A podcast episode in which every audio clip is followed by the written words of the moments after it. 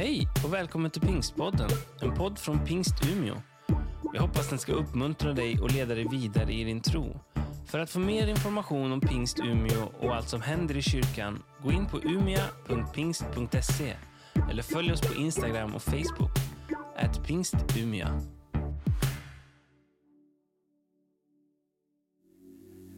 Alldeles underbart. Tack så jättemycket. Vilken sång vi bjuds på idag. Och jag säger ett stort tack också för din gåva, du som är med oss idag.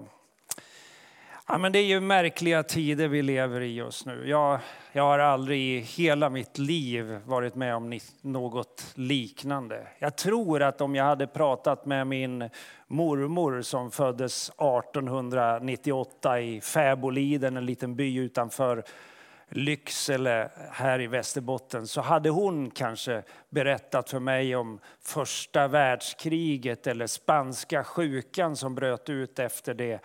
Eller kanske andra världskriget och, och de oerhörda problem som man levde i under den perioden.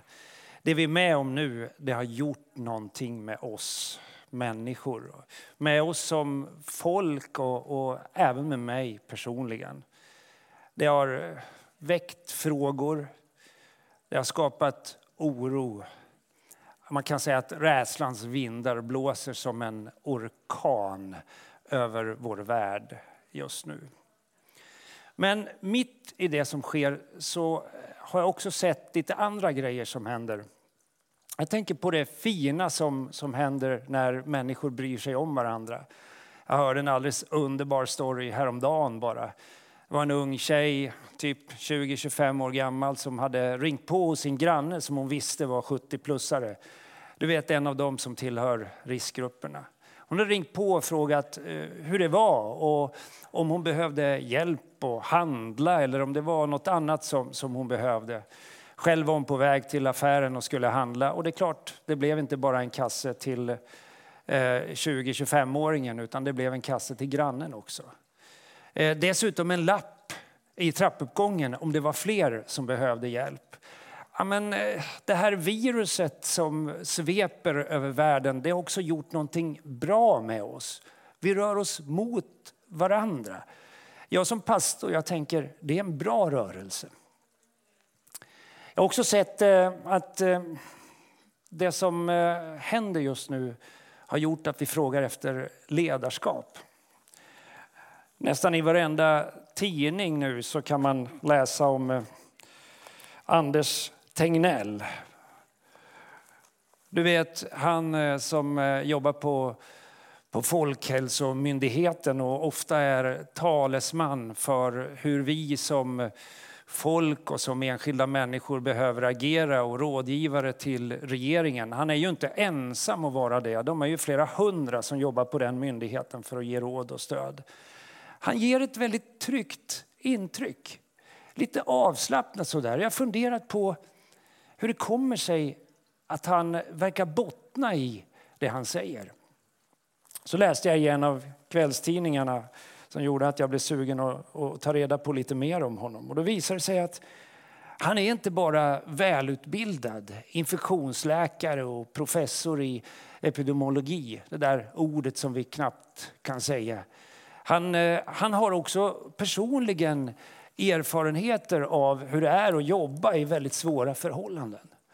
I 40-årsåldern så reste han ner till Centralafrika och blev rådgivare från Sverige till WHO för att, för, för att förhindra utvecklingen av den svåra ebolakatastrof som hade drabbat Kongo just då. De kommer till en, en, en by och till ett sjukhus. Och precis när de kommer dit så, så genomförs en operation på en ebola-drabbad patient utan att man hade kunskap om hur smittsam den sjukdomen var. Berättas att 25 procent av personalen på det sjukhuset avled inom en vecka. Han fick bevittna extremt svåra processer och samtidigt skaffa sig personlig erfarenhet och kunskap om hur man kan förhindra utvecklingen av väldigt svåra epidemier. Jag tänker, ja, men en sån person vill jag lyssna på. Jag förstår att Folkhälsomyndigheten har väldigt svåra frågor att ta ställning till och att det inte är de som bestämmer. Det är ytterst sett regeringen som har ansvaret att ge oss råd och vägledning. Men jag ser en annan rörelse också. Jag hör också hur man i svenska folksjälen frågar efter Gud. Man undrar, var finns Jesus i skuggan av corona? Ja, jag blev väldigt tagen när jag läste en av krönikörerna i Aftonbladet häromdagen. Britta Svensson, mångårig journalist och USA-korrespondent som eh, startat en eh, uppmärksammad pensionärsblogg. En eh, kvinna med lång erfarenhet av journalistik finner sig själv bedjande en kväll. Så här skriver hon. Ser Gud vad som händer? Alldeles oväntat dyker frågan upp inom mig. Jag som inte ens är medlem i Svenska kyrkan. När det kändes som allra värst knäppte jag utan att tänka mig för händerna innan jag skulle somna. Jag upplevde mig vara vid vägs ände, som om ingenting annat skulle hjälpa än att be en bön. Fader vår som är i himmelen. Men jag kunde inte för mitt liv komma ihåg fortsättningen. Nästa kväll samma sak igen, fast då en annan bön. Gud som haver barnen kär, se till mig som liten är. Nej, det var inte bra. Jag är inte liten längre. Men någonting fungerade ändå, skriver hon. För jag såg Gud. Nästa dag svävade han över den övergivna parken utanför mitt fönster och dagen efter hände samma sak på samma plats. Marshimlen liksom ljusnade.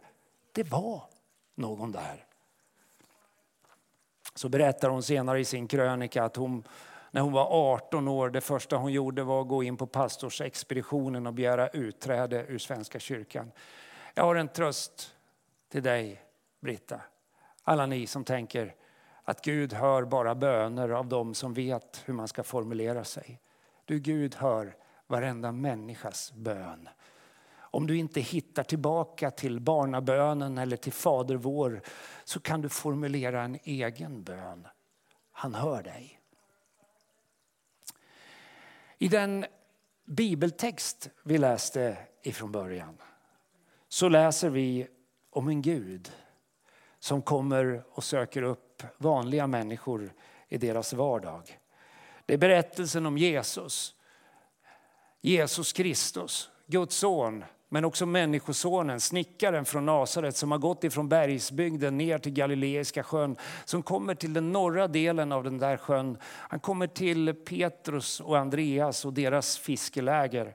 Han, eh, han går till dem och pratar med dem. Han, han säger någonting till dem.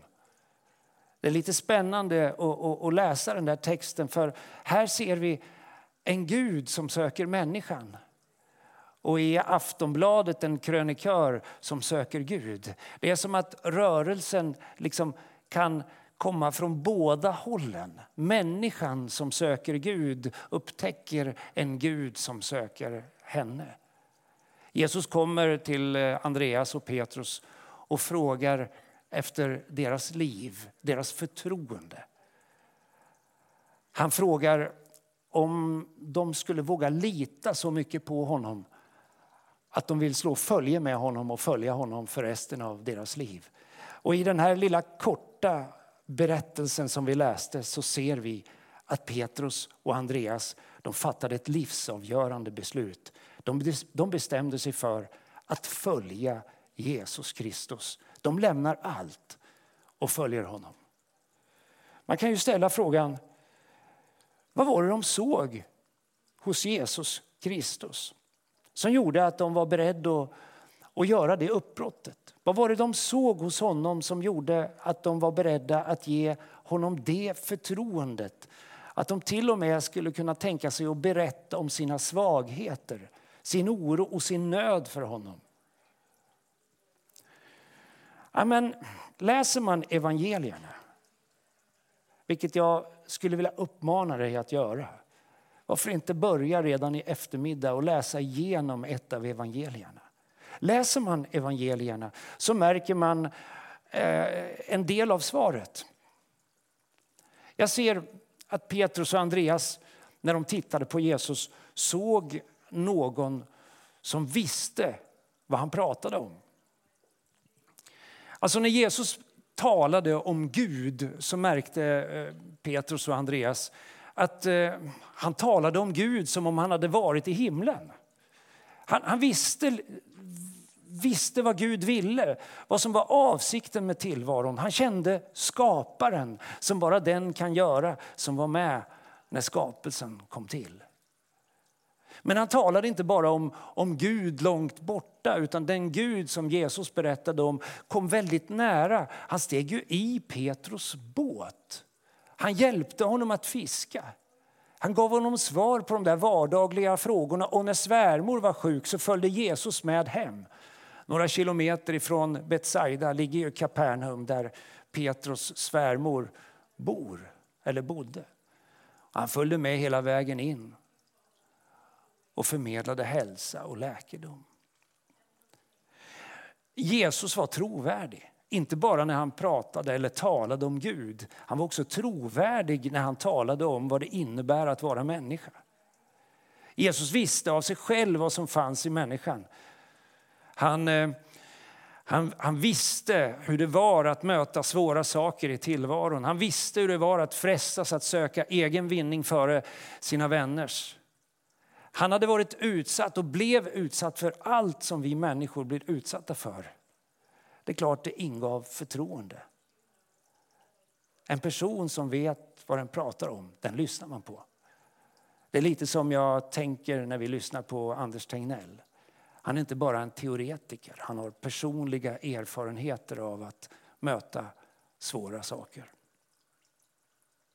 Den andra grejen som jag tror att, att Andreas och Petrus såg i Jesus, det var att han var pålitlig. Eh, det är ju så när vi frågar efter ledarskap att vi vill gärna ha kunniga ledare som vet vad de pratar om. Vi vill gärna ha karismatiska ledare som liksom lyser upp, som går genom rutan. Som, som berör oss och, och får oss att eh, kunna tänka oss en slags förändring av tillvaron. Men eh, vad hjälper kunskap och karismatik om det inte finns karaktär? Karaktär, det fanns hos Jesus. Vi ser att när, när hans liv prövades eh, till det yttersta. Vi ser att, eh, att han då inte viker undan eller väljer en enklare väg. Vi ska fira påsk nu, veckan som kommer. På torsdag ska vi inte bara påminna oss om den där vackra måltiden i den övre salen som eh, ledde oss till det där som vi kallar för nattvard eller Herrens heliga måltid när vi påminner oss om brödet och vinet som, som eh, hjälper oss att komma ihåg vad påsken egentligen handlar om. Vi följer med Jesus till Getsemane.